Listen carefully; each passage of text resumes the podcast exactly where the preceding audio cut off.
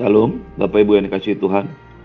Mari kita kembali merenungkan firman Tuhan. Pagi hari ini diambil dari Filipi pasal yang ketiga ayat 15 sampai dengan 20. Karena itu marilah kita yang sempurna berpikir demikian. Dan jikalau lain pikiranmu tentang salah satu hal, hal itu akan dinyatakan Allah juga kepadamu. Tapi baiklah tingkat pengertian yang telah kita capai, kita lanjutkan menurut jalan yang telah kita tempuh. Saudara-saudara, Ikutilah teladanku dan perhatikanlah mereka yang hidup sama seperti kami yang menjadi teladanmu. Karena seperti yang telah kerap kali kukatakan kepadamu dan yang kunyatakan pula sekarang sambil menangis, banyak orang yang hidup sebagai seteru salib Kristus. Kesudahan mereka ialah kebinasaan. Tuhan mereka ialah perut mereka. Kemuliaan mereka ialah aib mereka.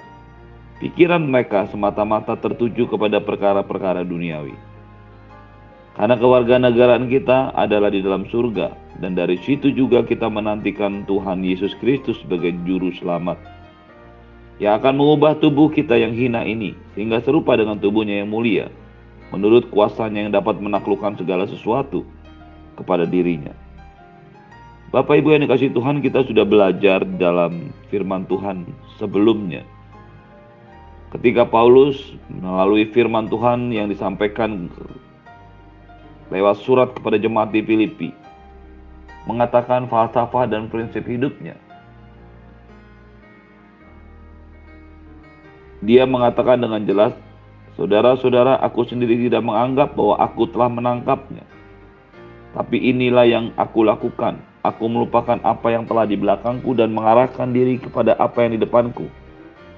Dan berlari-lari kepada tujuan untuk memperoleh hadiah yaitu panggilan surgawi dari Allah dalam Kristus Yesus. Panggilan surgawi dari Allah itulah yang dikejar, itulah yang membuat Paulus berlari-lari. Dia mengarahkan diri hidupnya kepada satu tujuan yang kekal dan tujuan itu adalah hadiah panggilan surgawi. Itulah yang membuatnya menyadari bahwa dia belum sempurna dia sedang berjalan menuju kesempurnaan. Itu sebabnya hidupnya diarahkan semuanya kepada tujuan ilahi itu. Ketika dia menyampaikan firman atau surat ini kepada jemaat di Filipi, firman Tuhan juga mengajar kepada kita. Dia meminta jemaat di Filipi untuk mengikuti teladannya dan perhatikanlah mereka yang hidup sama seperti kami yang telah menjadi teladanmu. Ketika Anda dan saya menyadari bahwa kita sedang ada dalam satu proses pertumbuhan, dan kita harus melanjutkan pertumbuhan kita sampai pada hari kedatangan Tuhan, kita memerlukan figur, contoh, tutor, tutorial, teladan. Tentu saja teladan agung kita adalah Tuhan Yesus dia menjadi contoh bagaimana Anda dan saya seharusnya hidup. Tetapi dalam kehidupan yang ada sekarang ini, kita juga memerlukan teladan. Dan Tuhan menetapkan para pemimpin dalam gereja, dalam pelayanan, menjadi teladan dan bapak rohani bagi setiap kita. Itu sebabnya sebagai orang yang melayani Tuhan, Pastikan Anda dan saya menjadi teladan bagi banyak orang. Pastikan Anda dan saya bukan hanya menyampaikan dan mengajar firman Tuhan, tetapi juga hidup sesuai dengan apa yang kita ajarkan. Dan sebagai jemaat yang ditetapkan Tuhan di dalam gereja, pastikan Anda dan saya juga memiliki teladan yang benar dalam kehidupan kita Bukan hanya pada saat kita menyembah Tuhan beribadah di dalam gereja, tetapi juga di dalam kehidupan sehari-hari. Setiap gembala, setiap pendeta, setiap pelayan Tuhan harus menjadi teladan di dalam seluruh bagian aspek kehidupannya. Tentu saja bukan berarti para pemimpin gembala, pendeta, siapa pun yang ditetapkan Tuhan untuk melayani, mengembalakan, sudah sempurna didasari oleh sebuah fakta bahwa kita semua sedang bertumbuh, maka kita harus menyadari ada hal-hal yang memang sedang dalam proses pertumbuhan, perubahan, kesempurnaan atas semua orang, termasuk para hamba Tuhan dan pendeta. Tetapi paling tidak, ada teladan yang bisa diikuti dari kehidupan gembala, pendeta, pemimpin yang ditetapkan Tuhan dalam hidup Anda dan saya. Ketika Anda dan saya melihat, bergaul, dan berada di bawah contoh yang salah dalam kehidupan rumah tangga, dalam bisnis, dalam pekerjaan, dalam prinsip-prinsip hidup, maka bisa dipastikan langkah-langkah selanjutnya Anda akan mengikuti contoh, walaupun tanpa sadar hal itu akan terjadi. Kita sedang ada dalam proses pertumbuhan, kesempurnaan melanjutkan tingkat pengertian. Tapi ada teladan yang harus diikuti dalam proses belajar menuju kesempurnaan. Ketika pemimpin rohani yang ditetapkan Tuhan dalam hidup Anda dan saya memberikan satu contoh kehidupan dalam kehidupan rumah tangga, dalam kehidupan sehari-hari, Anda dan saya bisa belajar dengan lebih jelas. Tetapi sebaliknya, ketika Anda dan saya memiliki teladan yang salah, maka pada akhirnya secara tidak langsung itu akan men menjadi sebuah informasi yang disimpan dalam pikiran dan memori kita. Firman Tuhan berkata, "Ikutlah teladanku dan mereka yang hidupnya mengikuti teladanku." Kata teladan berasal dari bahasa Yunani tupos dan ini merupakan present imperatif yang dimaksudkan dengan present imperatif adalah firman Tuhan mengajar kita untuk mengikuti teladan. Sama seperti Paulus mengajar jemaat di Filipi untuk mengikuti dia. Ketika ini menjadi sebuah present imperatif, maka ini adalah sebuah proses yang berkelanjutan, dimulai dari sekarang. Ayat 18 berkata, seperti yang telah kerap kali kukatakan kepadamu, dan sekarang kukatakan lagi sambil menangis. Jangan mengikuti mereka yang hidup sebagai seteru atau musuh Kristus.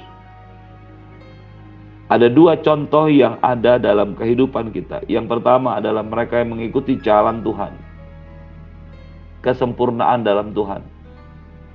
Dan contoh yang lain adalah mereka yang berjalan menjauhi jalan Tuhan atau memusuhi salib Kristus. Di dalam hal ini tidak ada pilihan ketiga atau pilihan lain. Apakah Anda dan saya sedang berjalan menuju kesempurnaan yang Tuhan sudah sediakan buat Anda dan saya? Yang Tuhan sudah mampukan untuk Anda dan saya raih dan capai? Atau Anda dan saya sedang berjalan menuju contoh yang salah sebagai salib Kristus? Musuh, seteru salib Kristus. Ada ketidakpastian siapakah sebenarnya yang dimaksudkan dengan seteru dari Kristus, musuh dari salib ini. Beberapa penafsir Alkitab mengatakan mungkin saja ini adalah guru-guru palsu. Tetapi kalau kita lihat di dalam ayat yang ke-9, dosa tentang guru-guru palsu tidak cocok dengan semua yang dikatakan. Ayat yang ke-19 ini pastinya tidak sedang menuju kepada pengertian Yahudi legalistik, tapi lebih cocok kepada guru-guru palsu orang Yunani yang kembali kepada gaya hidup kafir mereka.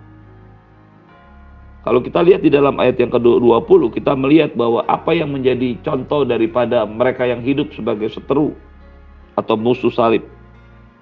Kata seteru sendiri berasal dari bahasa Yunani ektros. Ektros itu memusuhi, mengambil sikap yang berlawanan, mengambil posisi yang bertentangan dengan Tuhan dalam pikiran, mengambil posisi yang bertentangan dengan jalan salib. Seteru salib, musuh salib adalah orang-orang yang menganggap salib Kristus adalah sesuatu yang harus dibuang, dihindari dalam kehidupan kita.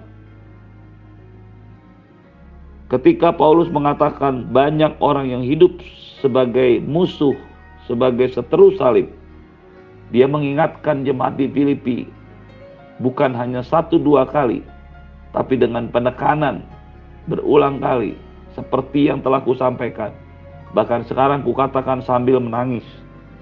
Ini menunjukkan satu harapan, satu keinginan, satu kasih yang besar daripada Paulus untuk mengingatkan jemaat di Filipi Jangan ikuti orang yang menghindari salib. Jangan mengikuti orang yang menjauhi salib, memusuhi, mengambil sikap yang berbeda dengan salib. Orang yang tidak mau menyangkal diri, orang yang menghindari memikul salib adalah mereka yang memusuhi salib itu sendiri. Apa yang menjadi contoh dari mereka? Itu bisa kita lihat dari ayat-ayat sebelumnya. Dan ayat-ayat selanjutnya dengan jelas mengatakan, pikiran orang-orang yang memusuhi salib hanya pada perkara-perkara duniawi. Perut menjadi Tuhan mereka. Ketika kata perut ini disampaikan, maka sebenarnya ini menunjukkan bahwa Tuhan mereka adalah hasrat jasmani mereka. Ketika firman Tuhan berkata, Tuhan mereka adalah perut. Ini berbicara tentang nafsu, tentang hal-hal yang jasmania, materialistis, materialisme. Ini bukan hanya berbicara tentang uang, rumah, atau harta, tapi segala sesuatu yang duniawi. Seorang pendeta sekalipun akan berpikir secara duniawi ketika dia menyelamatkan dan mencari banyak orang untuk dibawa menjadi gereja, anggota gereja. Tetapi ketika yang dipikirkannya hanya perkara-perkara duniawi, tidaklah salah memberitakan Injil dan membawa banyak orang untuk bertumbuh, diselamatkan, dan mengikut Tuhan. Tetapi ketika pikirannya menjadi salah, bahwa pertumbuhan, pertambahan jemaat menjadi sebuah hal yang berbeda ketika tujuannya menjadi berubah untuk perkara-perkara yang materi, jasmani, dan duniawi. Tuhan menjadi perut mereka menunjukkan bukan hanya berbicara tentang makanan, tapi perkara-perkara dan dosa duniawi. Aib menjadi kebanggaan. Kemuliaan mereka ialah aib mereka. Ini menunjuk pada penekanan kaum gnostik pada waktu itu pada pengetahuan. Ini juga bisa menunjuk pada gaya hidup orang yang tidak bermoral dari kalangan libertini pada waktu itu. Ini juga bisa menunjuk kepada kaum Yudais yang menekankan pada sunat dan kebanggaan Yahudi. Guru-guru palsu yang demikian harusnya malu karena dosa, karena perkara-perkara yang menjadi kenajisan dalam hidup. Tapi sering kali orang menjadi bangga dengan semua kesalahan dan aib mereka. Pagi hari ini, biarlah kemuliaan kita adalah karena Tuhan semata-mata. Biarlah semua yang masih tidak berkenan dalam hidup Anda dan saya dibuang, dikerat, dipotong dalam hidup kita. Jangan disimpan. Bahkan ketika orang mencoba menutupi aib mereka dengan perkara-perkara yang lain, hal itu justru akan menunjukkan keduniawian mereka. Pikiran mereka semata-mata tertuju kepada perkara duniawi ini menunjukkan asal dari kebanyakan ritual agamawi kita. Seorang bisa kelihatan hidup secara rohani, beribadah, tetapi pikirannya masih kepada perkara-perkara duniawi. Inilah lawan atau seteru dari salib itu sendiri. Itu sebabnya Paulus mengatakan dengan jelas setelah itu, kewarganegaraan kewargaan kita ada di dalam surga Dari situ kita menantikan Tuhan Yesus Kristus sebagai juru selamat. Pastikan Anda dan saya menyadari pikiran kita, arah tujuan kita hanyalah kepada surga, kekekalan. Fokus Anda dan saya hidup bukanlah perkara-perkara yang ada di duniawi, yang lenyap, yang kemuliaannya bisa muncul dalam sekejap dan hilang dalam sekejap pula. Ketika fokus Anda dan saya hanya kepada segala sesuatu yang ada dalam surga, sementara kita menantikan kedatangan kembali Tuhan Yesus atau Tuhan Yesus mengangkat kita, membawa kita kembali, karena di surgalah Tuhan akan mengubah tubuh kita yang hina ini menjadi serupa dengan tubuhnya yang mulia. Ketika fokus Anda dan saya pada perkara-perkara yang rohani, kita masih tetap bisa bekerja, berbisnis, berprofesi, melayani Tuhan tapi semua yang kita pikirkan bukanlah yang ada dalam dunia ini. Fokus kita adalah surga. Karena keluargaan kita adalah surga. Pastikan Anda dan saya akan sampai dengan kemurahan Tuhan dan kekuatan Tuhan kepada kesempurnaan, kemuliaan Tuhan yang dinyatakan dalam hidup kita. Sehingga rencana Allah menjadikan manusia menjadi serupa dan segambar dengan dia digenapi dalam hidup kita. Terimalah berkat yang berlimpah dari Bapa di surga, cinta kasih dari Tuhan Yesus, penyertaan yang sempurna dari Roh Kudus, menyertai hidupmu hari ini dan sampai selama-lamanya di dalam nama Tuhan Yesus. Semua yang percaya katakan, amin. Shalom, selamat pagi, Tuhan Yesus berkati.